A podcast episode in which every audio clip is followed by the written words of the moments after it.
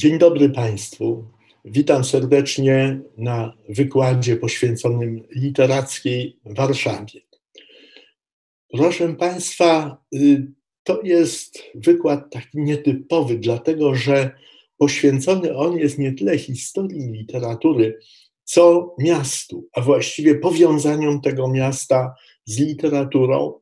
To jest wykład, który najbardziej by pasował do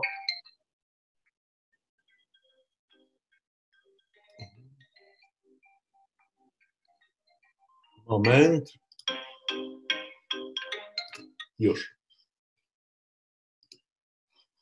Proszę Państwa, y, problematyka tego wykładu y, najbardziej jest y, dopasowana do takiej dyscypliny literaturoznawstwa, która się nazywa geopoetyka. Dlatego, że tutaj będziemy mówić tyleż o pewnym geograficznym miejscu, co i o jego powiązaniach z literaturą. Jeżeli mówimy o literackości danego miejsca, to mówimy o zjawisku, które ma charakter wielopiętrowy. W przypadku na przykład miasta, Warszawy, możemy mówić o miejscach, które zaistniały w literaturze, po prostu zostały, nie wiem, w jakichś formach narracyjnych, w jakichś powieściach czy nowelach, czy w jakichś utworach lirycznych ukazane, opisane albo w jakiś sposób przedstawione, ale możemy też mówić o miejscach związanych z literaturą na zasadzie życia literackiego, że to są miejsca, w którym na przykład urodzili się przyszli pisarze, albo mieszkali wielcy pisarze, albo spacerowali tutaj, zmarli, albo zostali pochowani. Cmentarze oczywiście też będą należały tutaj do literackiego oblicza miasta. I proszę Państwa, Warszawa jest wyjątkową stolicą, na pewno europejską, a może nawet światową, która nie ma do dzisiaj literackiego przewodnika. Są literackie przewodniki po Londynie, po Paryżu, po Moskwie, po Poznaniu z polskich miast, Krakowie. Natomiast Warszawa takiego przewodnika się nie doczekała, chyba dlatego, że właśnie jest to bardzo skomplikowana materia, gdyż Warszawa jest miastem jednocześnie realnie istniejącym, jest fizycznym tworem, ale jednocześnie jest pewnym fantomem. Jest takim, bym powiedział, miastem upiorem, miastem, które zniknęło w różnych tragediach historii i które dopiero nasza pamięć, utrwalona także w literaturze, może z tej przeszłości wywołać. Spójrzmy, proszę Państwa, na pierwszy slajd. To jest tablica z następującym napisem. Tu mieszkał Goethe w dniach 5-7 września 1790 roku. Ciestem, czy ktoś z Państwa wie, gdzie ta tablica się znajduje. Otóż ona umieszczona jest na fasadzie kamienicy przy rynku głównym w Krakowie, rok ulicy Sławkowskiej. Tam w tym narożnej kamienicy mieszkał Goethe, dokładnie 230 lat temu spędził tam dwie noce. I ta tablica upamiętnia, upamiętnia to wydarzenie. I teraz, proszę Państwa, dla kontrastu, drugi slajd, tym razem z Warszawy. Mało czytelny głaz narzutowy, który stoi w Warszawie przy ulicy Elektoralnej, a więc na terenie dawnego hitlerowskiego getta. I proszę Państwa, nie wiem, czy to chyba niezbyt dobrze widać, ale odczytam. Pierwsze linijki tego napisu brzmią tak. Tu stał dom. I dalej, w którym w latach 1829-1831 mieszkał Juliusz Słowacki. To jest dla mnie sytuacja niemal symboliczna właśnie. W Krakowie w tym domu Goethe nocował, a w Warszawie w tym domu Juliusz Słowacki. Tu stał, tu stał dom, jest to miejsce, w którym stał dom. Takich miejsc naprawdę historycznych, proszę Państwa, w Warszawie jest bardzo mało i dlatego trzeba jakoś szczególnie szanować i poznawać. Proszę Państwa, pisząc literacki przewodnik po Warszawie, zauważyłem, że większość, że tak powiem, literackiego zaistnienia tego miasta skoncentrowana jest na lewym brzegu Wisły. Stare Miasto, Trakt Królewski, e, Aleje Ujazdowskie, e, ulica Marszałkowska, Aleje Jerozolimskie. Proszę Państwa, a przecież Warszawa to jest także prawobrzeże, to jest także strona praska. I chciałem właśnie tę stronę praską, prawobrzeżną trochę dowartościować. Dlatego układając różne przystanki literackie warszawskie w kolejności chronologicznej, na początku pokazałem, proszę Państwa, pierwszy ślad osadnictwa na terenie dzisiejszej Warszawy. Tutaj z lotu ptaka czy z jakiegoś drona mamy sfotografowane grodzisko na brudnie. Widać dokładnie obrys tego grodziska. Jak twierdzą historycy, było to nie tyle miejsce mieszkalne, co było to miejsce schronienia się, miejsce schronienia okolicznej ludności, która mogła wejść wewnątrz tych wałów w momencie jakiegoś zbliżającego się niebezpieczeństwa. W rekonstrukcji historycznej grodzisko wygląda tak.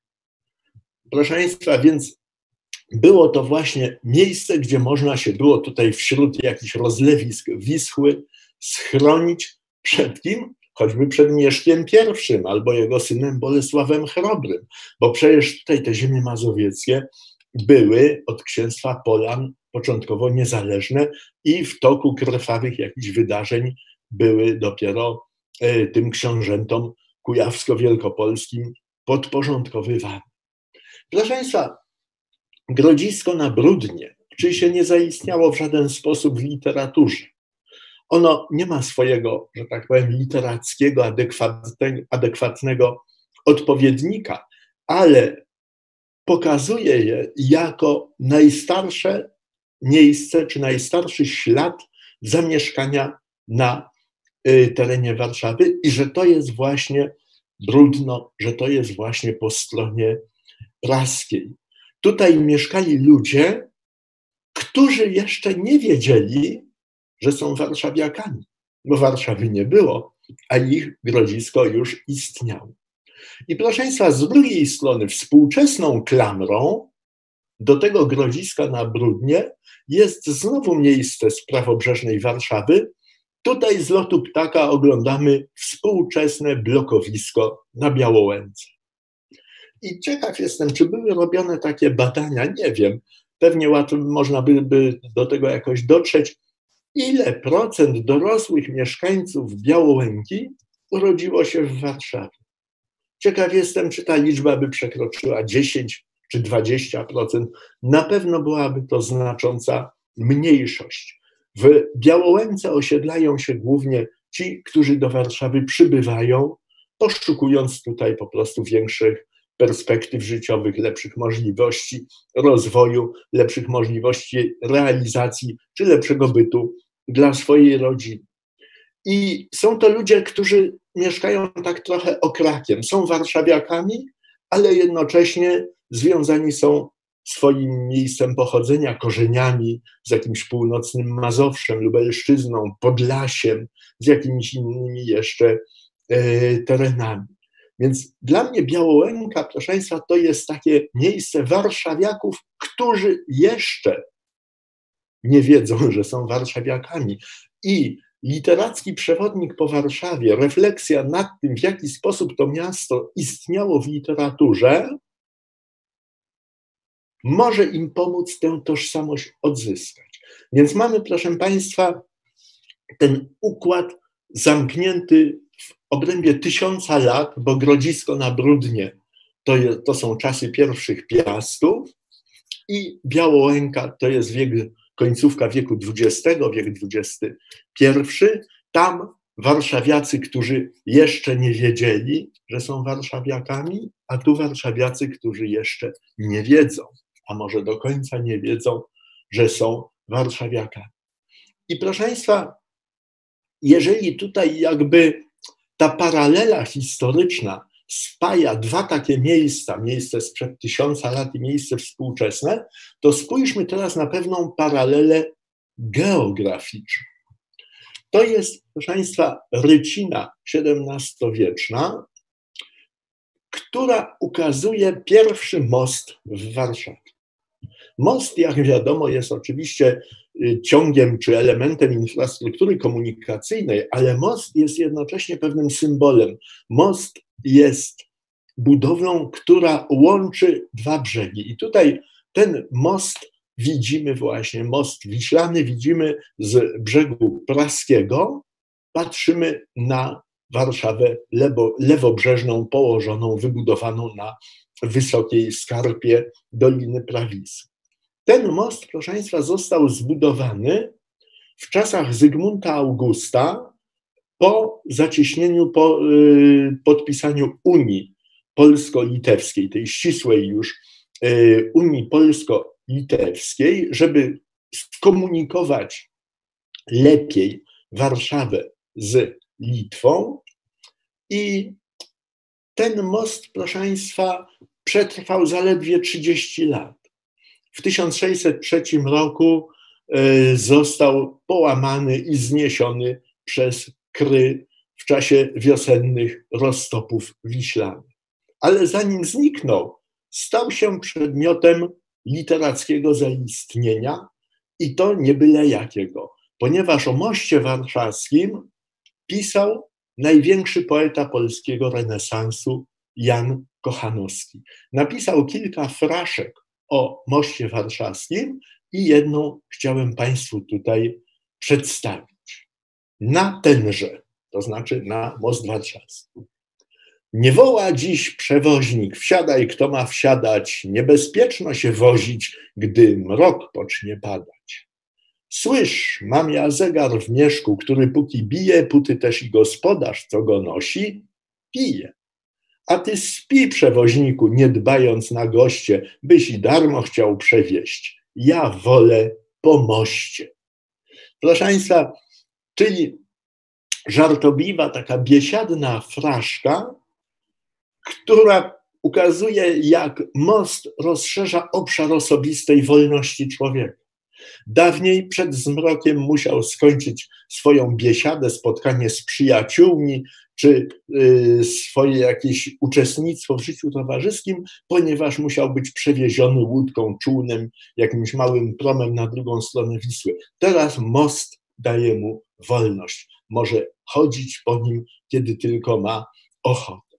Proszę Państwa, i nie pamiętamy często, że Kochanowski był też poetą łacińskim. W ogóle literatura staropolska była literaturą dwujęzyczną, była literaturą polską i łacińską.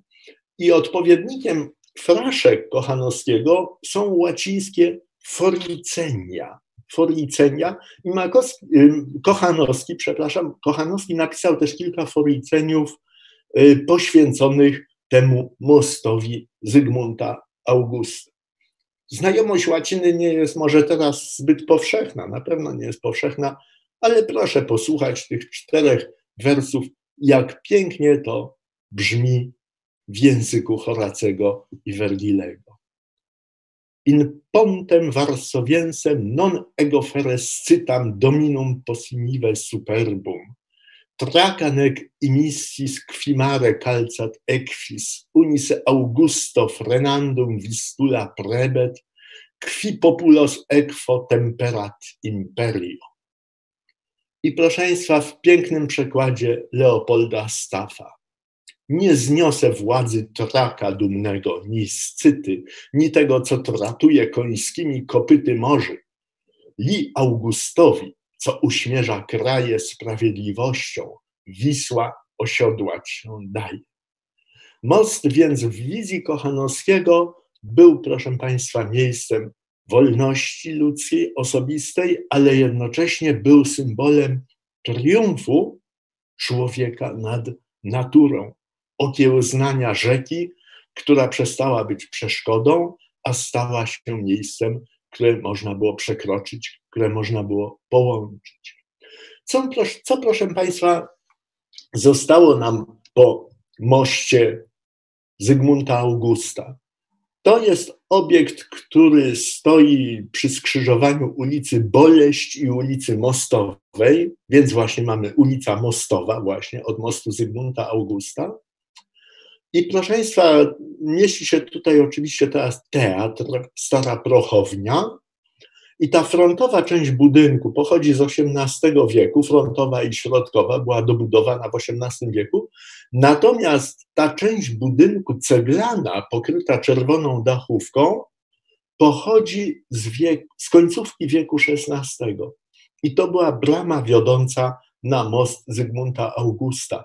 Dro ulica była wytyczona troszkę inaczej, bardziej w lewo, patrząc w kierunku Wisły, i ruch pieszy oraz kołowy odbywał się w ten sposób, że przejeżdżał przez ten budynek, gdzie cały czas dyżurowały straże pilnujące porządku i pilnujące tego, żeby na moście nie zapruszyć ognia, bo to był most drewniany.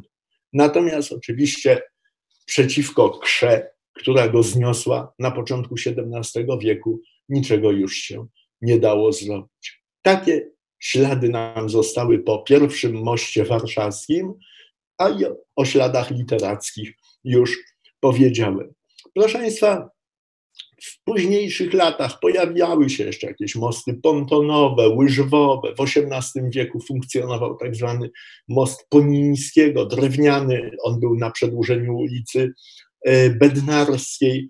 Wszystkie one były jakieś nietrwałe i niezbyt dobrze łączyły i integrowały obie części miasta.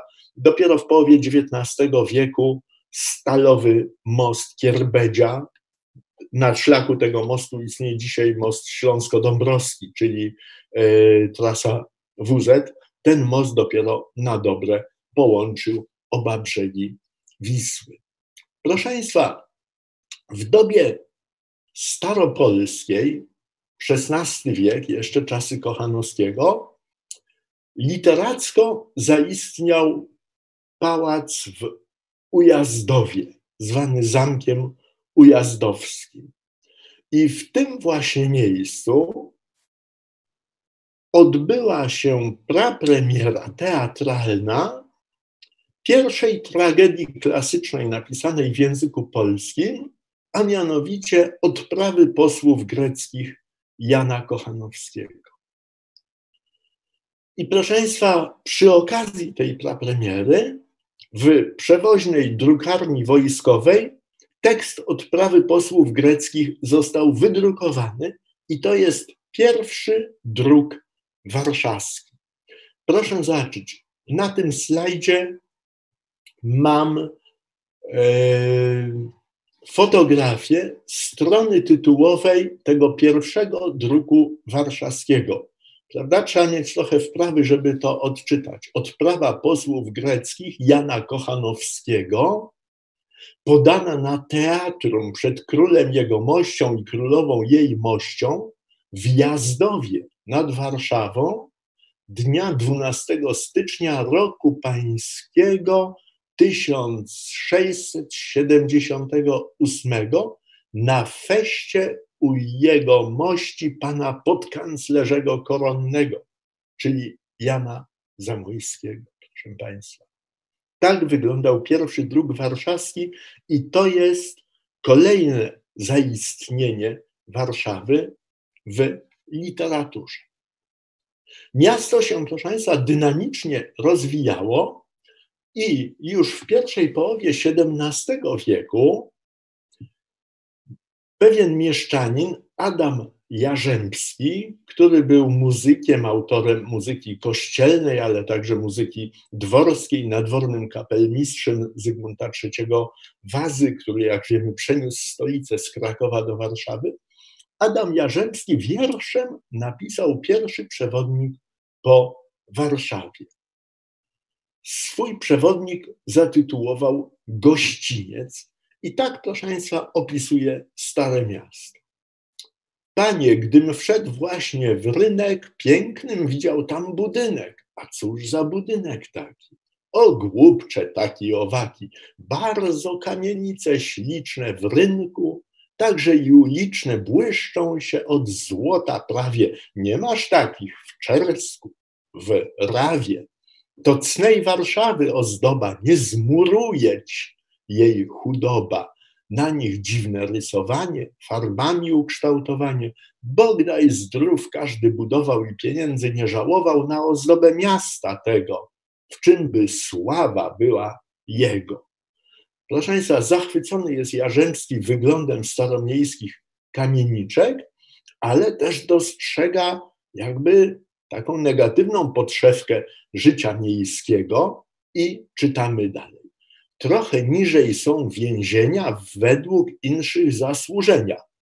Tuż kuna żelazna w słupie przy wschodzie, na dziewki głupie. Na dziewki głupie, jak to aktualnie brzmi, prawda? i dziwnie nawet trochę. Proszę Państwa, żelazny słup, zwany też pręgierzem, gdzie kobiety, które się trudniły na przykład nierządem albo które jakieś przestępstwo y, popełniły, były wystawiane na widok publiczny. Proszę Państwa, gościniec Jarzębskiego ten pierwszy taki dziwny, wierszowany przewodnik warszawski, można powiedzieć, można czytać go oglądając dzisiejsze Stare Miasto. Tutaj widzimy widok rynku staromiejskiego, kolorowe kamieniczki ozdobione i podobne bardzo do tych, które 400 lat temu oglądał Adam Jarzębski. Proszę Państwa, a tutaj kolejny slajd. Trudno się zorientować, że to wzgórze zabudowane jakimś takim obiektem mieszkalnym, ale jednocześnie wojskowym, że to jest część Cytadeli Warszawskiej. To jest wzgórze zwane wzgórzem szubieniczym, które literacko zaistniało w ten sposób, że w połowie XVII wieku, w okresie potopu szwedzkiego, proszę Państwa, na tym wzgórzu zainstalowała się Ludwika Maria Gonzaga, francuska arystokratka, która była żoną króla polskiego Władysława IV, a po jego śmierci stała się żoną kolejnego króla, brata tegoż Władysława czwartego, mianowicie Jana Kazimierza.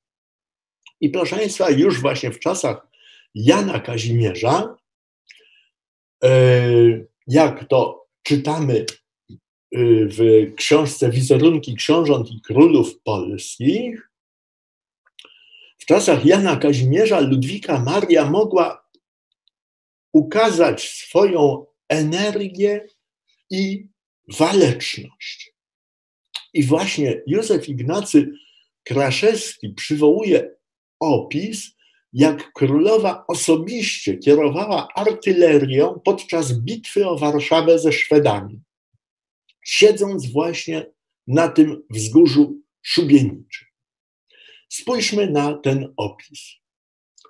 Jej królewska mość kazała wyprzęc konie ze swej karety i dwa największe działa przewieźć niżej, na cypel, który w rzekę wchodził, na małą grobelkę naprzeciw nieprzyjaciela.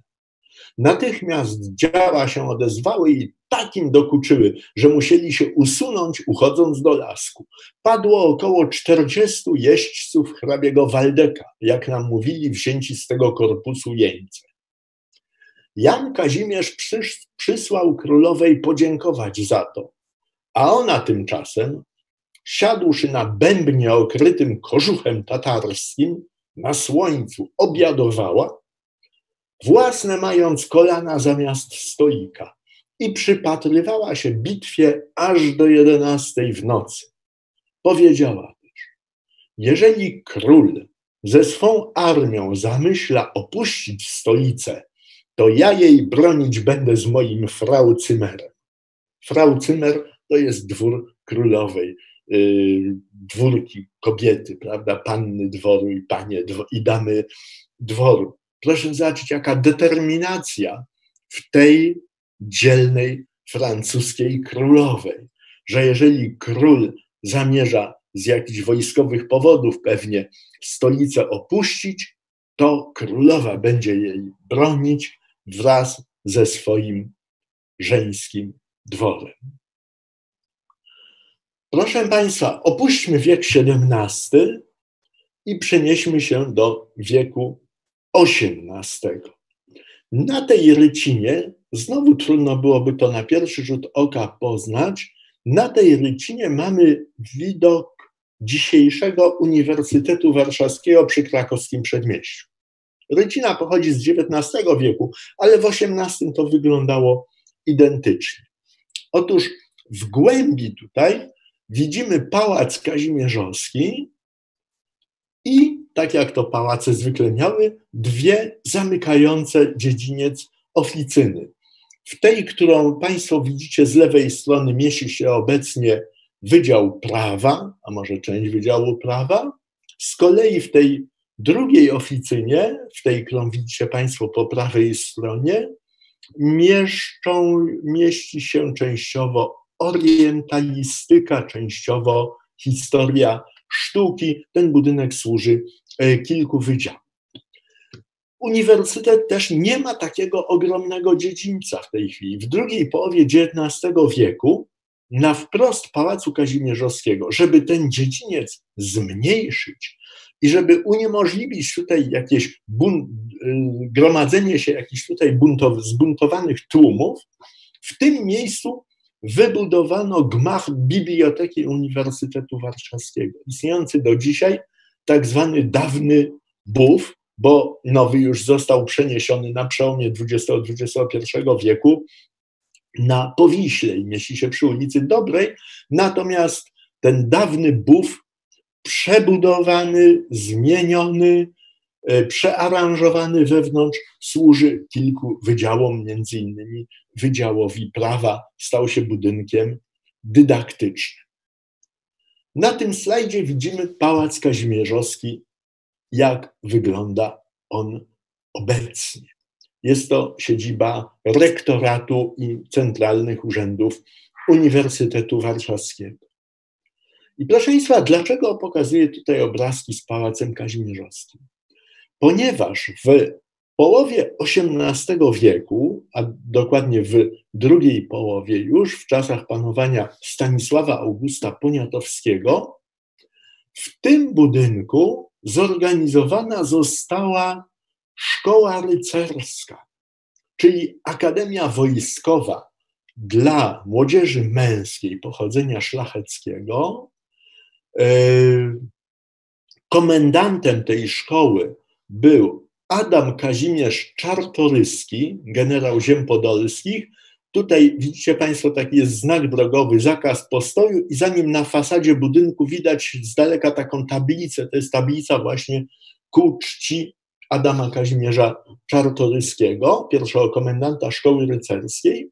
I proszę Państwa, wszystkie, insurekcja kościuszkowska, yy, wojny yy, napoleońskie, yy, te wszystkie ruchy wolnościowe Polaków z drugiej połowy XVIII wieku, czy końcówki XVIII wieku i początku XIX wieku, animowane były i wspierane przez absolwentów szkoły rycerskiej.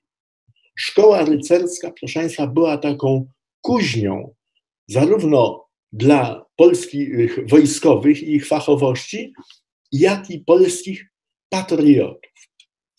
I proszę posłuchać fragmentów wspomnień niejakiego Seweryna Bukara, który był właśnie studentem szkoły rycerskiej.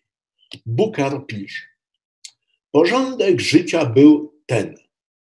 Co dzień o godzinie 6 rano, a w niedzielę i dni świąteczne o 7, Dobosz z bębnem i fajfer z piszczałką pobudkę bili i grali, obchodząc naokoło wszystkie brygady. Trzy kwadranse czasu dane były na porządne ubranie się. Na znak bębna schodzili wszyscy na niższe piętro i tam w klasie trzeciej, która była najobszerniejsza i wprost naprzeciw kaplicy, stawali wszyscy w szereg we cztery rzędy. Tam Codziennie mszy świętej słuchać należało, po której schodzili wszyscy na dół do sali jadalnej na śniadanie, składające się zimą z piwa grzanego, zabielonego mąką i kawałka chleba. Piwo podawano w kubkach cynowych wielkości szklanki. Latem zaś z kromki chleba z masłem. Po tym krótkim śniadaniu wracali wszyscy na górę do stacji, aby się przygotować do klas, które o godzinie ósmej otwierały się na znak bębna. Proszę zacząć, jak skromne menu otrzymywali adepci w, czy kadeci w szkole rycerskiej. Kubek piwa i chleb z masłem. Jednocześnie uczono ich nie tylko sztuki wojskowej i różnych umiejętności, które wymagało się od wykształconego człowieka w XVIII wieku, ale także obycia, także zachowania przystoju. I jeszcze jeden fragment Bukara. Prawidła obyczajności, jakie u stołu zachować się winny, a które na tablicy wypisane, zawsze na sali wisiały. Było tych punktów sześć. Jako to? Primo. Łokciów na stół nie kłaść. Sekundo. W zębach widelcami nie dłubać. Tercio. Łyżkę z gęby wyjętą nie kłaść na półmisek, ani też nią traktować. Reszty nie pamiętam. Po wieczerzy zaś szli wszyscy do sali ogromnej, która w samym środku pałacu, w samym dole była i służyła na egzamina, na lekcje tańców, fechtowania, woltyżerowania i na baliki, jakie corocznie z dobrowolnych składek miewaliśmy. Proszę Państwa, jako pracownik uniwersytetu i ktoś, od, kto od wielu dziesięciu lat zna Pałac Kazimierzowski, to aż trudno mi jest sobie wyobrazić, jako właśnie pracownikowi uniwersytetu znającemu ten obiekt, że tam mogła być uprawiana woltyżerka na, na parterze tego pałacu, że ileż rzeczy się w tym budynku, w tym obiekcie mieściło, jak dużo tam można, jak duży tam i bogaty program można było w tym jednym obiekcie zaaranżować. Proszę Państwa, szkoła rycerska była oczkiem w głowie dla ostatniego króla Rzeczpospolitej, Stanisława Augusta Poniatowskiego. I chcąc, żeby miała ona także swój hymn, król zwrócił się do księcia poetów, ówczesnego czasu, ówczesnej epoki, najwybitniejszego polskiego poety, czyli Ignacego Krasickiego, z prośbą o napisanie hymnu dla szkoły rycerskiej. I Ignacy Krasicki, biskup warmiński, napisał taki ośmiowersowy hymn. Święta miłości kochanej ojczyzny, Czują cię tylko umysły poczciwe. Dla ciebie zjadłe smakują trucizny. Dla ciebie więzy pęta niezelżywe. Kształcisz kalectwo przez chwalebne blizny, gnieździsz w umyśle rozkoszy prawdziwe, byle cię można wspomóc, byle wspierać, nie żal żyć w nędzy, nie żal i umierać. I proszę Państwa, ten piękny hymn zaczynający się od tego apelu, od tego wołacza do miłości ojczyzny, która osładza cierpienia, która powoduje, że mniej y, bolą y, rany, jakie mógł zadać wróg, że nie są haniebne kajdany, które z powodu miłości ojczyzny się nosi. Ten piękny hymn, proszę Państwa, co jest w dzisiejszej wrażliwości jakieś dziwne, Ignacy Krasicki umieścił jako fragment w poemacie heroikomicznym pod tytułem Myszeis albo Myszeida. Ten poemat heroikomiczny opowiada o czasach króla Popiela, legendarnego władcy e, Kujaw, i o wojnie, jaką myszy i szczury prowadziły z kotami. I w pewnym momencie armia myszy pod wodzą niejakiego Gryzomira, śpiewa właśnie ten hymn Święta miłości kochanej ojczyzny. Prawda, że to dzisiaj się wydaje trochę takie uwłaczające. Ale mało tego, proszę Państwa, w kolejnym poemacie heroikomicznym, zatytułowanym Monachomachia, czyli Wojna Mnichów, Krasicki umieścił autoparodię tego hymnu. I jeden z pijanych zakonników, właśnie w Monachomachii, wyśpiewuje tak. Wdzięczna miłości kochanej szklenice, czujecie każdy, i słaby, i zdrowy. Dla ciebie miłe są ciemne piwnice, dla ciebie znośna duszność i ból głowy. Słodzisz frasunki, uśmierzasz tęsknicę, w tobie pociecha, w tobie zysk gotowy. Byle cię można znaleźć, byle kupić, nie żal skosztować, nie żal się i upić.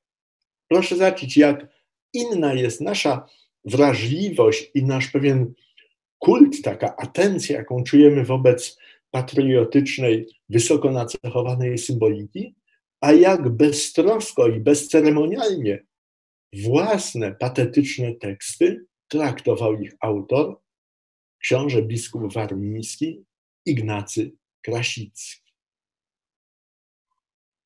Proszę Państwa, przechodzimy do historii dramatycznej. Ta rycina, proszę zacząć, tutaj żołnierze kłują bagnetem kobietę, która lewą ręką obejmuje dziecko. Gdzieś po prawej stronie widzimy dziecko, które w panice łapie się spódnicy swojej matki zapewne.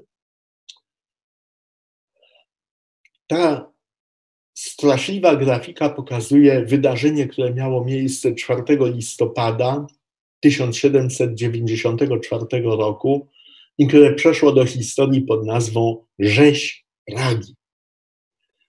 Trwała insurekcja kościuszkowska i po bitwie pod Maciejowicami, gdzie Kościuszko został ranny i pojmany w niewolę, wojska rosyjskie pod dowództwem generała Aleksandra Suworowa forsownym marszem wyruszyły właśnie w kierunku Warszawy, wkroczyły na Pragę. W czasie obrony Pragi zginął między innymi też poeta, generał Jakub Jasiński. Przełamały obronę i proszę Państwa, tutaj inaczej to na to patrzą historycy rosyjscy, inaczej patrzą na to oczywiście historycy polscy. Suworow pozwolił e, swoim żołnierzom na kozakom głównie na wymordowanie ludności cywilnej. Rzeź Pragi w dużej mierze to, była też, to był też pogrom antyżydowski, dlatego że wielka część, może nawet połowa ofiar tego tragicznego wydarzenia to była ludność żydowska, która mieszkała na dzisiejszych szmulkach. W pewnym momencie, po paru godzinach, Suworow wydał rozkaz, żeby te wydarzenia powstrzymać, tę rzeź powstrzymać i reszcie ludności praskiej pozwolił uciec do Warszawy na drugą stronę Wisły. Łódkami, jakimiś promami, bo most był e, zwalony już na, na e, rozkaz wojskowego naczelnika Warszawy. I proszę Państwa, ta spanikowana ludność praska, która przyszła, przybyła do lewobrzeżnej Warszawy, e, wzbudziła z kolei panikę w całym mieście. Warszawa bez większego oporu się musiała poddać. Proszę Państwa, w okolicach Pragi, katedry praskiej, cerkwi E, praskiej jest y, kilka miejsc upamiętniających te tragiczne wydarzenia. Ja tutaj pokazuję fotografię, którą w roku 1994, e, fotografię kamienia z tablicą, którą ustawiono ku czci obrońców i ofiar rzezi Pragi w 1994 roku. na dwusetlecie tych tragicznych wydarzeń. Zanim jednak, proszę Państwa, doszło do rzezi Pragi, warszawiacy przygotowywali się ochoczo do obrony swojego miasta. I jeden z ówczesnych pamiętnikarzy, Jan Duklan Ochocki, wspomina, Nadzwyczaj zajmującym widokiem były wznoszące się fortyfikacje około Warszawy i Pragi, około których codziennie 30 tysięcy ludu najmniej pracowało. Wszyscy szli sypać szańce. Około piątej z rana całe krakowskie przedmieście pełne już było kobiet klas wszelkich, z rydlami w ręku, począwszy od dam wysoko urodzonych, matron, mężatek, panien, kupcowych, mieszczek, żon rzemieślników, aż do przekupek ze straganów. Zbierało się to wszystko do kościołów bernardyńskiego, wizytek karmelitów, dominikanów, świętego krzyża, gdzie przez całe dnie świece zapalone były i msze po mszach następowały. Za nimi wieziono chleby, mięsiwa, piwo beczkami, baryłami, wódkę, którą częstowano robotników. Kobiety pracowały po trosze, jak mogły, do siódmej wieczornej, o której powracano w szyku na krakowskie przedmieście i znów odwiedzano kościoły. Wszelka dawna etykieta, wizyty wzajemne, rulowanie karet, bieganie dryndulek, wszystko to ustało zupełnie. Nigdzie ani obiadów proszonych, ani balów, ani nawet herbaty tańcującej nie było. Naczynia srebrne poskładano do mennicy. Proszę Państwa, z tego krótkiego fragmentu pamiętnika widać, jak solidarnie ludność Warszawy, a szczególnie właśnie kobiety, pewnie dlatego, że mężczyźni służyli w wojsku, jak ofiarnie postępowały, przygotowując miasto do obrony. Jak codziennie od piątej rano już były na nogach, ubrane po wysłuchaniu mszy świętej przy krakowskim przedmieściu, maszerowały po moście na Pragę, gdzie do 19 godziny machały łopatami, udoskonalając, podwyższając i budując nowe szańce. I tutaj jeden fragment jeszcze bardzo ciekawy, że wszelka dawna etykieta zniknęła. Budowa owych fortyfikacji jednoczyła wszystkie właściwie stany, i wyższe, i niższe, znikały bariery społeczne, wszyscy stawali się jakby jedną rodziną, która chciała obronić przed carskimi wojskami, przed wojskami carycy Katarzyny swoje ukochane miasto. Proszę Państwa, nie udała się ta obrona i inny pamiętnikarz, Henryk Mościcki, opisuje pewne wydarzenia z rzezi Pragi. Nie oszczędzano nikogo. Oderwane od piersi matek niemowlęta brano na spisy by nie urosły do zemsty i w płonące rzucano do mostu.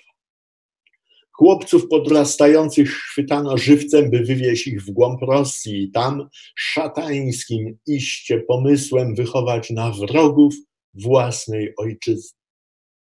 Zakonnice w klasztorze Bernardynek zgwałcono i zarżnięto. Z domów nieszczęsnych wywlekano mieszkańców, by wśród pijackiej uciechy wymyślną zadać im śmierć.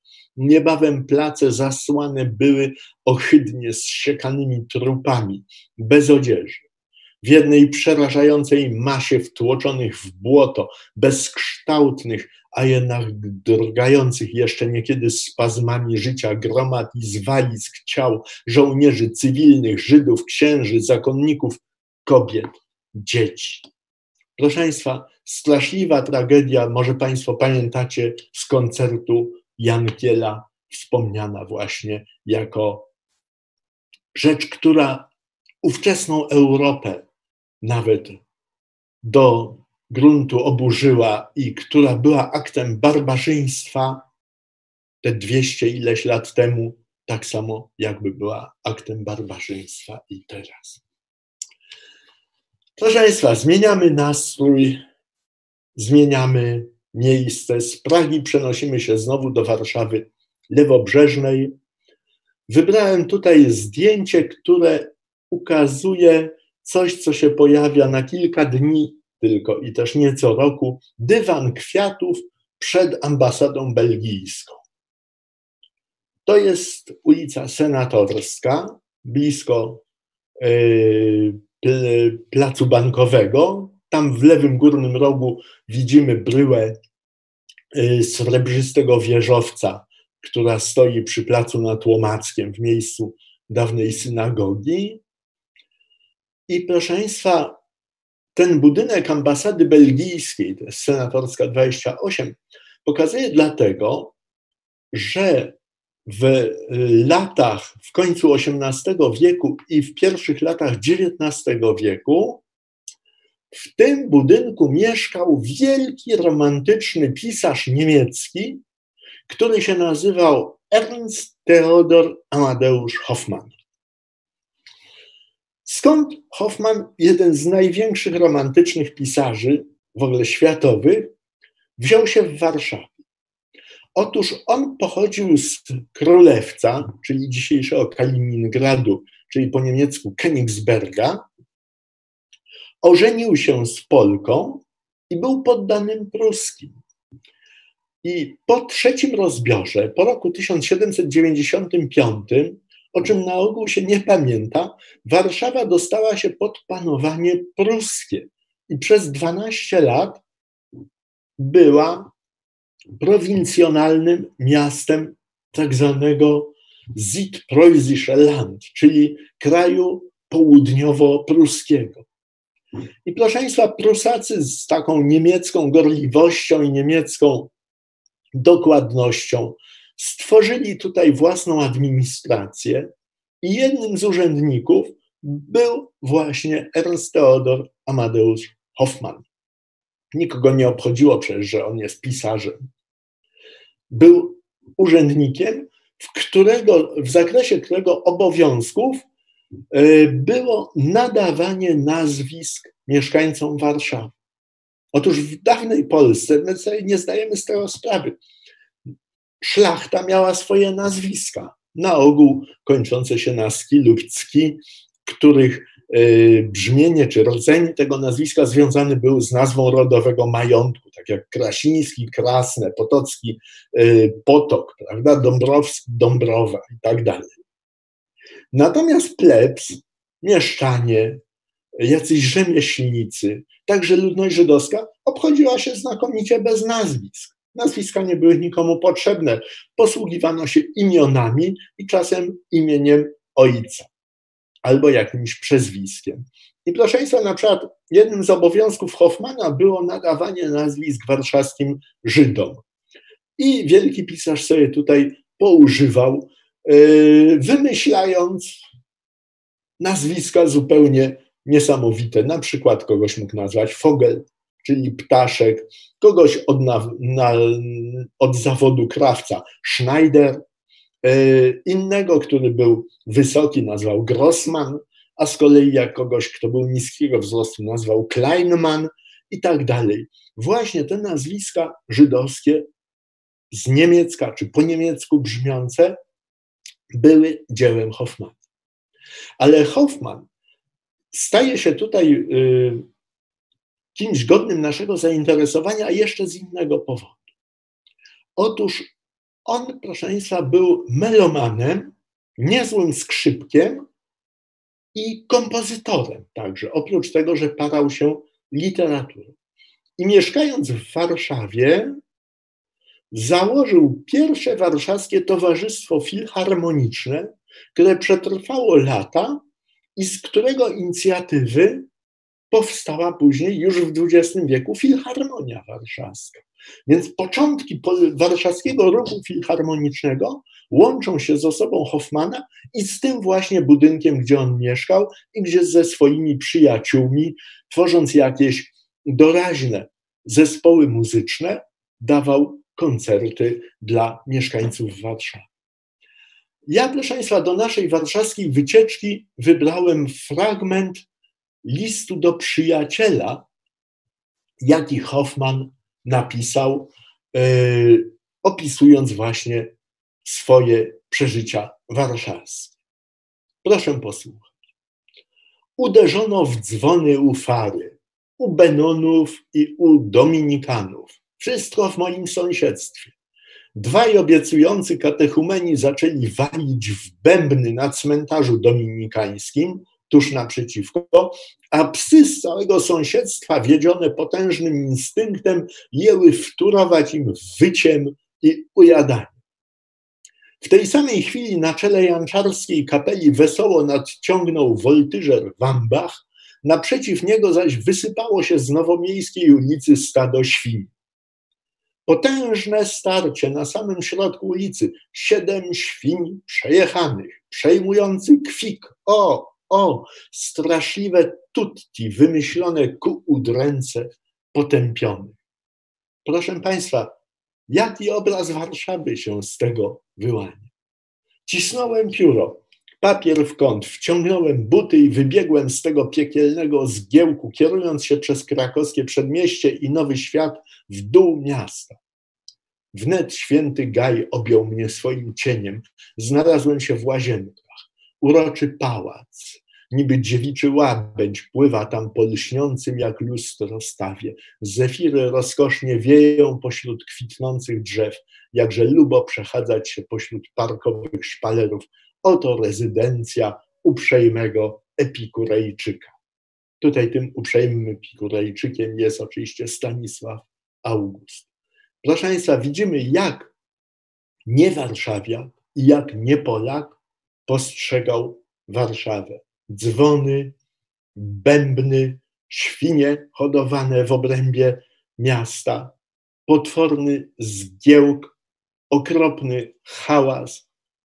Hoffman nie pisze już o smrodzie, który musiał też temu towarzyszyć, i ukojenie można było znaleźć tylko na łonie natury w tym pięknym parku angielskim, w parku łazienkowskim.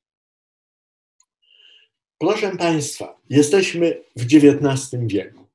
Ten budynek, na pewno Państwo rozpoznajecie, to jest siedziba rektoratu Akademii Sztuk Pięknych przy krakowskim przedmieściu, naprzeciwko uniwersytetu.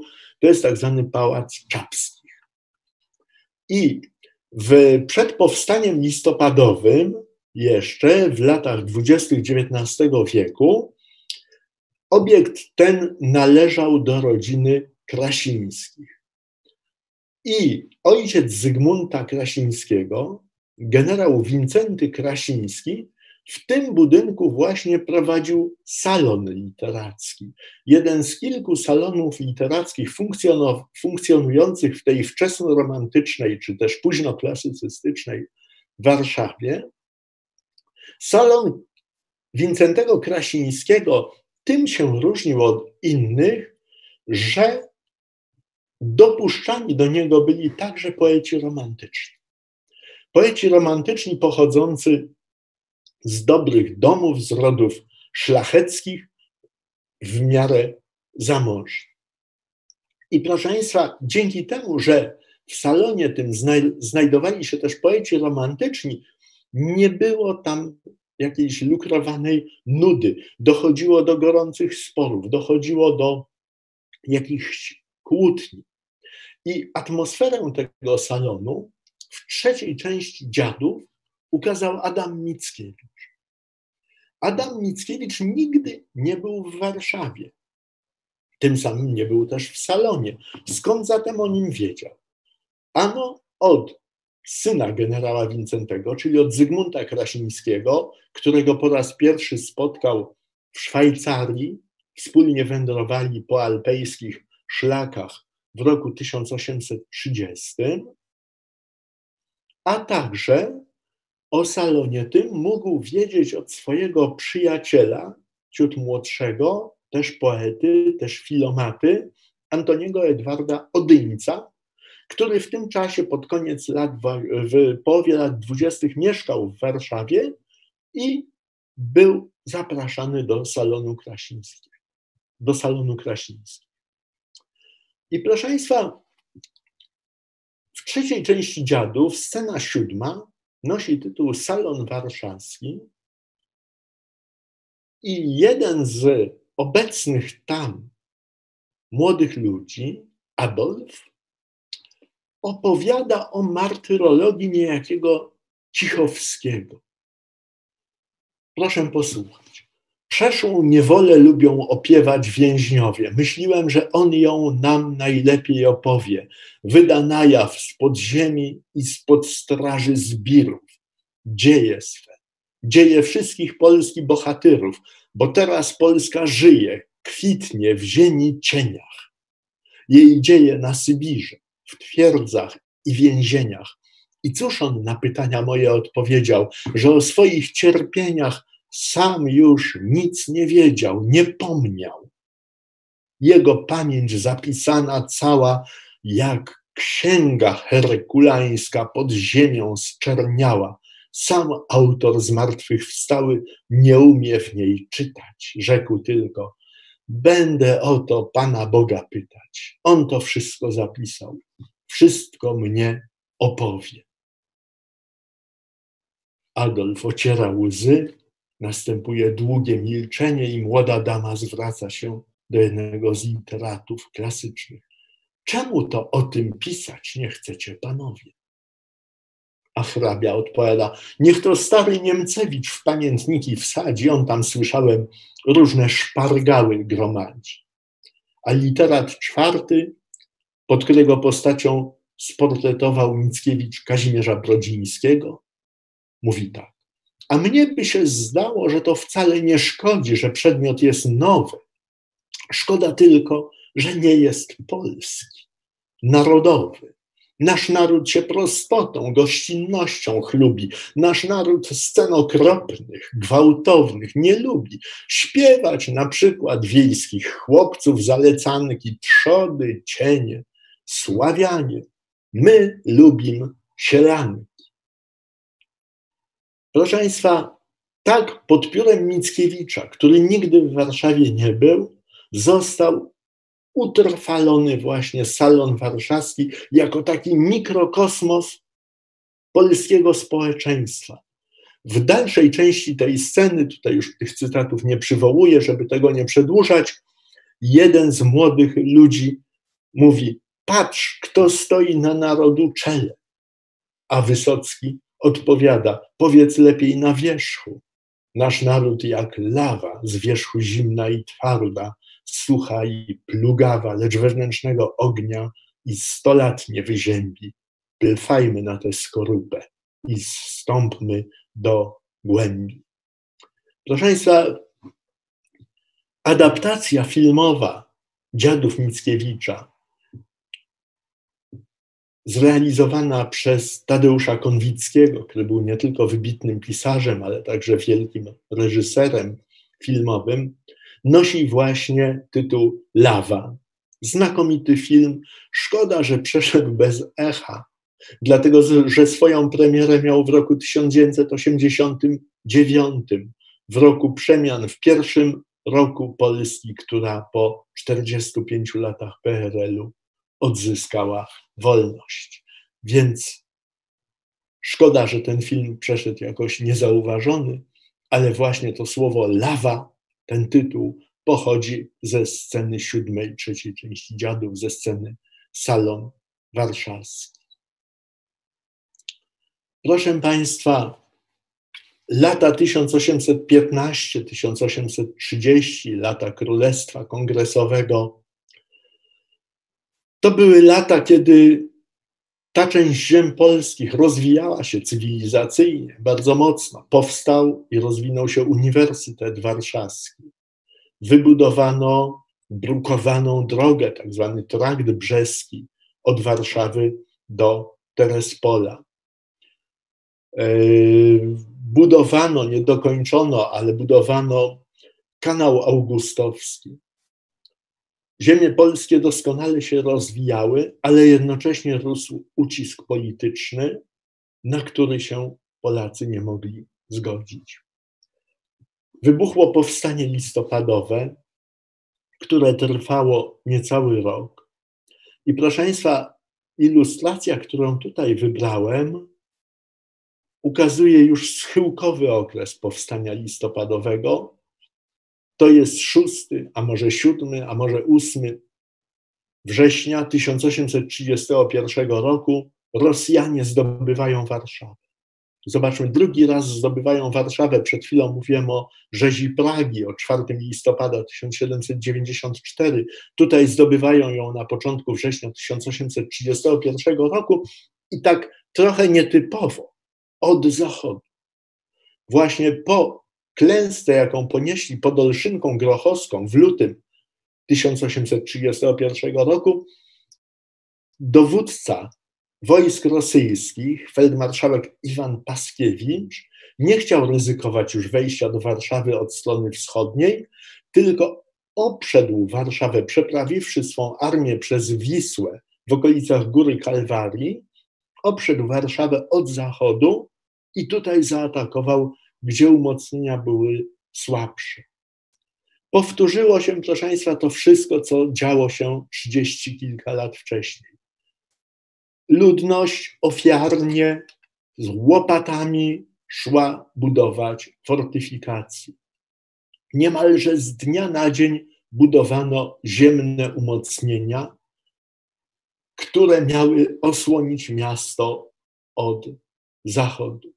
I jednym z takich umocnień, które w planie obrony Warszawy nazywało się Dzieło 54, była reduta, która przeszła do historii pod nazwą Reduty Ordona. I jeszcze raz, proszę Państwa, oddajmy głos Mickiewiczowi. Nam strzelać nie kazano. Wstąpiłem na działo i spojrzałem na pole. Dwieście armat grzmiało. Artylerii ruskiej ciągną się szeregi prosto, długo, daleko, jako morza brzeg. Przeciw nim sterczy biała, wąska, zaostrzona, jak głaz bodzący morze, reduta Ordona. Sześć tylko miała arm. Gdzież jest król, co na rzezie tłumy te wyprawia? Czy dzieli ich odwagę, czy pierś sam nadstawia? Nie. On siedzi o pięćset mil na swej stolicy, król wielki, samowładnik świata połowicy, mocarzu, jak Bóg silny, jak szatan złośliwy. Gdy Turków za Bałkanem twoje straszą spirze, gdy poselstwo paryskie twoje stopy liże, Warszawa jedna twojej mocy się urąga, podnosi na cię rękę i koronę ściąga, koronę Kazimierzów chrobrych z twojej głowy, bo się ukradł i skrwawił synu Wasilowy.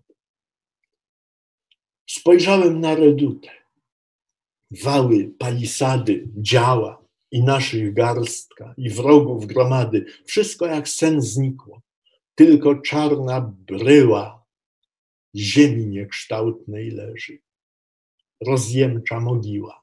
Tam i ci, co bronili, i ci, co się wdarli, pierwszy raz pokój szczery i wieczny zawarli.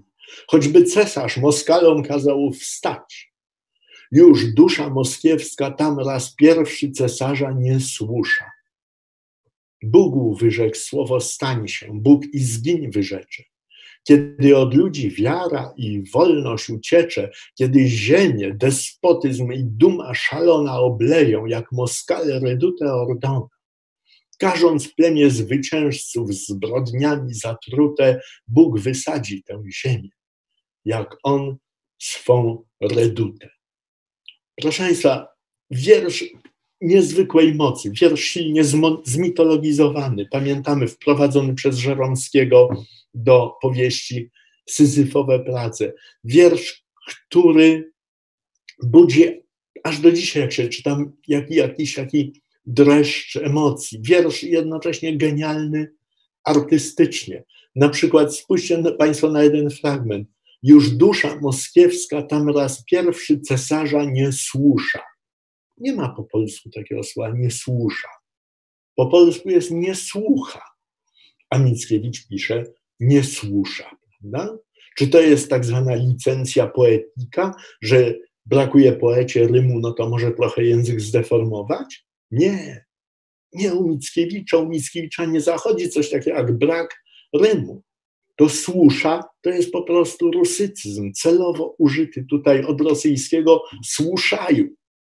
Kiedy w wojsku rosyjskim wydany był rozkaz, a posłuszny podkomendny odpowiadał słuszaju.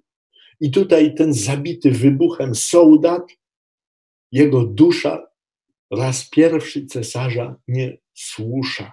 To jakby ma pokazać właśnie, proszę Państwa, ten rosyjski koloryt yy, tragedii, jaka się wydarzyła. Znowu dziwne, bo tak silnie zmitologizowane, tak ważne miejsce, właściwie do niedawna nie było wiadomo za bardzo, gdzie jest. Yy, jeżeli znacie Państwo trasę kolejki WKD, Warszawskiej Kolei Dojazdowej, to za dworcem Warszawa Zachodnia jest taki mały przystanek, który się nazywa Reduta Orma. I przy tym przystanku, notabene to jest na tyłach hipermarketu, który się nazywa Reduta, też od Reduty Orgona. I przy tym przystanku kolejowym znajduje się taki umieszczony tam jeszcze w dwudziestoleciu międzywojennym głaz narzutowy, upamiętniający miejsce, w którym znajdowała się Reduta Ordona. Tylko, że w tym miejscu akurat wiadomo, że z całą pewnością tej reduty nie było. Ten głaz postawiono w miejscu, gdzie Rosjanie po stłumieniu powstania listopadowego ustawili pomnik ku czci zdobywców Warszawy, ku własnej czci.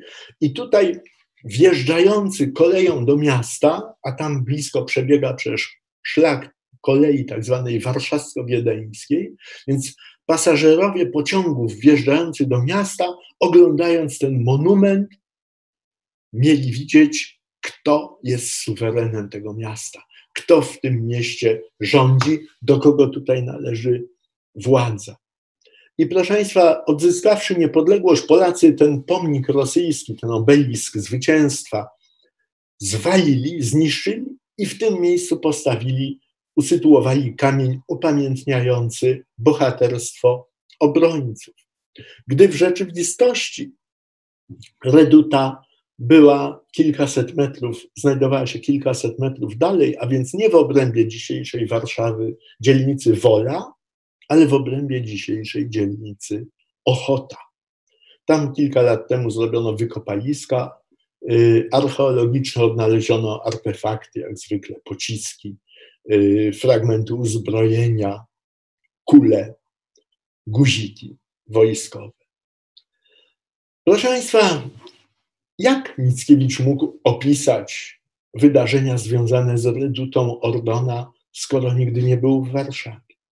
Otóż opowiedział mu o nich jego przyjaciel, który się nazywał Stefan Garczyński. Stefan Garczyński był wielkopolaninem, poetą i filozofem, uczniem jednego z najwybitniejszych filozofów XIX wieku, Georga Wilhelma Fryderyka Hegla, uczniem Hegla. I proszę Państwa, poznał się z Mickiewiczem w Niemczech i wędrował później z nim razem do Europy, po Europie i yy, osiedlił się razem z Mickiewiczem w Rzymie w 1830 roku. Oni bardzo się zaprzyjaźnili i razem mieszkali. I w grudniu 1830 roku akurat Mickiewicz i Garczyński znajdowali się na jakimś takim przyjęciu, czy takim party u Rosjan, zresztą u księżnej Zenejdy Wołkońskiej, to była taka kolonia rosyjskich katolików, którzy się osiedlili w Rzymie, czyli w stolicy ówczesnej państwa kościelnego. Na początku grudnia 1830 roku ktoś przyniósł właśnie na to przyjęcie elektryzującą wiadomość, że w Warszawie wybuchło powstanie antyrosyjskie. I polscy poeci, Mickiewicz i Garczyński, stali się nagle, stanęli nagle w centrum zainteresowania. Są Polakami, są patriotami. Nie mogą być wobec tych dramatycznych wydarzeń obojętni, muszą jechać do Polski, żeby wziąć udział w powstaniu. No ale poeci, proszę Państwa, jak to poeci, nie mieli środków na drogę. W związku z tym szybko zorganizowano zbiórkę pieniędzy i kiedy przeliczono zebrane pieniądze, okazało się, że nie jest ich tych pieniędzy, nie wystarczy na podróż dwóch ludzi do Polski. I teraz już trochę fantazjuję, ale tak to sobie wyobrażam, że Mickiewicz Garczyńskiego klepie tak protekcjonalnie po plecach i powiada: No to Stefan, jedź, a ja dojadę później. No i Garczyński pojechał i Wigilię Bożego Narodzenia już spędzał w Warszawie. Wziął udział jako żołnierz, a później oficer w powstaniu listopadowym, w bitwie o Warszawę, tej o której mówię, we wrześniu 1831 roku był adiutantem generała Jana Nepomucena Umińskiego, jednego z dowódców obrony woli przed Rosjanami. I to właśnie Garczyński na własne oczy widział tę eksplozję, która zniszczyła redutę Ordona. I Garczyński to wszystko mógł opowiedzieć Mickiewiczowi. Reduta Ordona wszak ma podtytuł Opowiadanie adiutanta. Proszę Państwa, co zrobił Mickiewicz? Mickiewicz po wyjeździe Garczyńskiego dalej przebywał w Rzymie. Jakoś trudno mu było ten Rzym opuścić, może także dlatego, że się kochał wtedy bardzo w młodej arystokratce polskiej, Henrietcie Ankwiczównie. I proszę Państwa, styczeń mija, luty, marzec, kwiecień, maj, czerwiec, a Mickiewicz cały czas siedzi w Rzymie. Krew się leje strumieniami tutaj na ziemiach polskich, a Mickiewicz, który odą do młodości ze słowami witaj jutrzenko swobody, zbawienia za tobą słońce, tak bardzo nakręcił ludzi, mówiąc potocznie zupełnie. Tak bardzo jakby ich y, wprawił w taki stan, żeby oni nie zgadzali się na niewolę żadną, żeby oni dążyli do swojej wolności. Mickiewicz siedział w Rzymie i stracił wtedy swój poetycki autorytet. Właśnie w czerwcu 1831 roku jeden z pomniejszych poetów romantycznych opublikował w Warszawie wiersz pod znamiennym tytułem. Tytuł ten brzmiał tak: Do Adama Mickiewicza, bawiącego w Rzymie podczas wojny narodowej. Proszę Państwa, dochodziły do Mickiewicza te wieści, że jego nieobecność w powstaniu jest dostrzeżona i że ta jego absencja bardzo się nie podoba. I w końcu czerwca wyjechał z Rzymu. Ale co ciekawe, nie pojechał od razu do Polski, tylko skręcił najpierw na zachód, po przekroczeniu Alp i dotarł do Paryża. Kilka tygodni przebywał w Paryżu i dopiero na początku sierpnia wyruszył na ziemię Polski. 15 sierpnia stanął w Wielkim Księstwie Poznańskim. I po nieudanej próbie przekroczenia granicy pomiędzy zaborem pruskim a królestwem kongresowym, czyli zaborem rosyjskim, zrezygnował z tego i mieszkał w Wielkopolsce w różnych dworach szlacheckich, zmieniając często miejsce swojego zamieszkania. I kiedy powstanie upadło i tysiące uchodźców kolumnami szło na emigrację na zachód Europy, to wśród tych właśnie emigrantów, na ogół bardzo Mickiewiczowi niechętnych, zawiedzionych jego postawą, znalazł się Stefan Garczyński. I właśnie, proszę Państwa, w takiej wielkopolskiej wiosce Obiezierze, gdzie akurat Mickiewicz przebywał, Garczyński opowiedział mu o tym epizodzie obrony woli, o eksplozji, w wyniku której zniknęła z powierzchni ziemi reduta Ordona, a Mickiewicz mógł napisać ten wiersz. Pierwszy raz notabene wydrukowany w zbiorze poezji Stefana Garczyńskiego. Reduta Ordona zamykała ten zbiór jako pewien trybut wdzięczności, jaki Mickiewicz daje swojemu przyjacielowi. Ale powiedziałem, proszę Państwa, że Garczyński też był poetą. I oczywiście nie był tak utalentowany jak Mickiewicz, ale był dobrym zupełnie poetą. I te wydarzenia dramatyczne z bitwy o Warszawę we wrześniu 1831 roku ukazał w cyklu takich e, wierszy, które nazwał sonety wojenne. I proszę Państwa, sonet, który tutaj mam przed oczami, nosi tytuł Ostatni kanonier. Był to notabene, proszę Państwa, ukochany wiersz romantyczny. I jest to naprawdę arcydzieło. Jest to jakby reduta Ordona, napisana przez naocznego świadka wydarzeń, który nie rozgaduje się jak Mickiewicz. Oczywiście to gadulstwo Mickiewicza jest wspaniałe, prawda, i bardzo mądre, ale chyba bardziej jeszcze imponuje lakoniczność i taka żołnierska dosadność, jaką znajdujemy w sonecie Garczyńskiego. Proszę posłuchać. Konie wszystkie poległy, żołnierze wybici, dowódca tylko jeden z dwoma pozostały, oszańcowany w trupy, jak w zastępne wały z dwóch armat, ciągle bije i dymi i świci. Lecz na próżno, krwi mordów wrogowie niesyci bateriami na zastęp uderzają mały. Wkrótce się wróg zwycięstwem zupełnym poszczyci. Wody nie ma. Spisz w ogniu, kurzą się zapały. Więc strzelać zaprzestano. Wśród kul w siarki dymie trzech z lątami jak duchy migają się z dala. Nieszczęście, kula znowu jednego obala. Co za krzyk, skąd ten wystrzał? Czyjeś słychać imię, imię wołając brata, spisz moczy w krwi bratni i znów dymi i świeci kanonier ostatni. Proszę Państwa, nie mam czasu tutaj na dokładny rozbiór tego wiersza, ale powiem, jaka jest opisana sytuacja liryczna. Mamy oczywiście bardzo dużo wrogów, nieprzebrane wojska rosyjskie i zdziesiątkowany mikrooddział obrońców, składający się z trzech osób: dowódcy i dwóch kanonierów. I ci trzej mężczyźni cały czas prowadzą ostrzał, nie poddają się, strzelając z dwóch armat, jakie mieli do dyspozycji. Ale w procesie strzelania te armaty się rozgrzewały. Trzeba było je chłodzić wodą.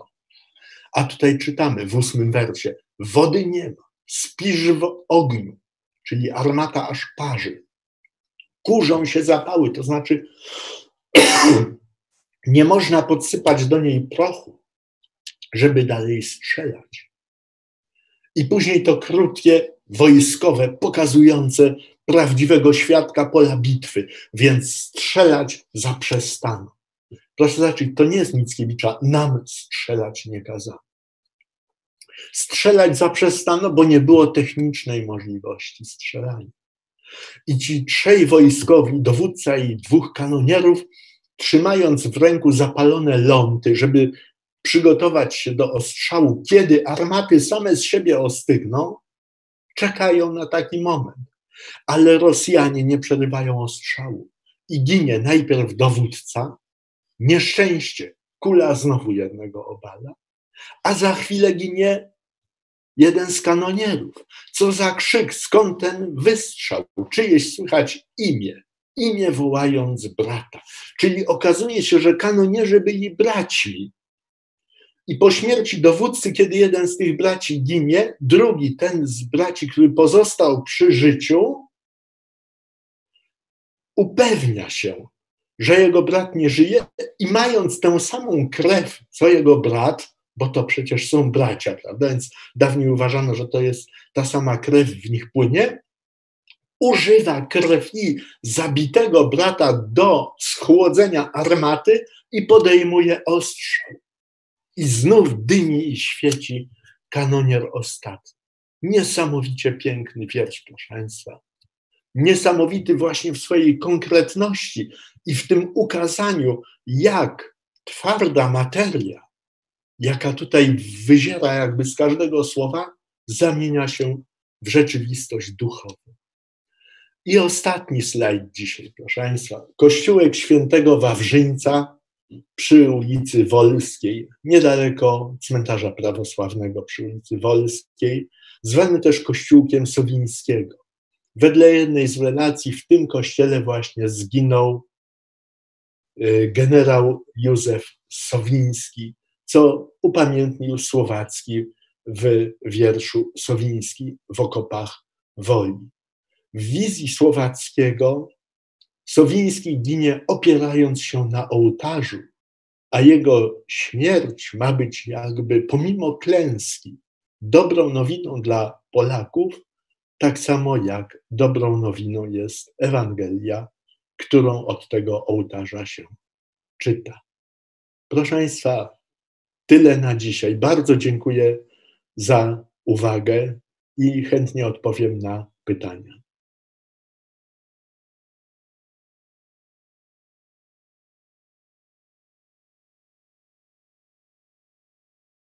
Dziękuję bardzo zatem Państwu i do zobaczenia.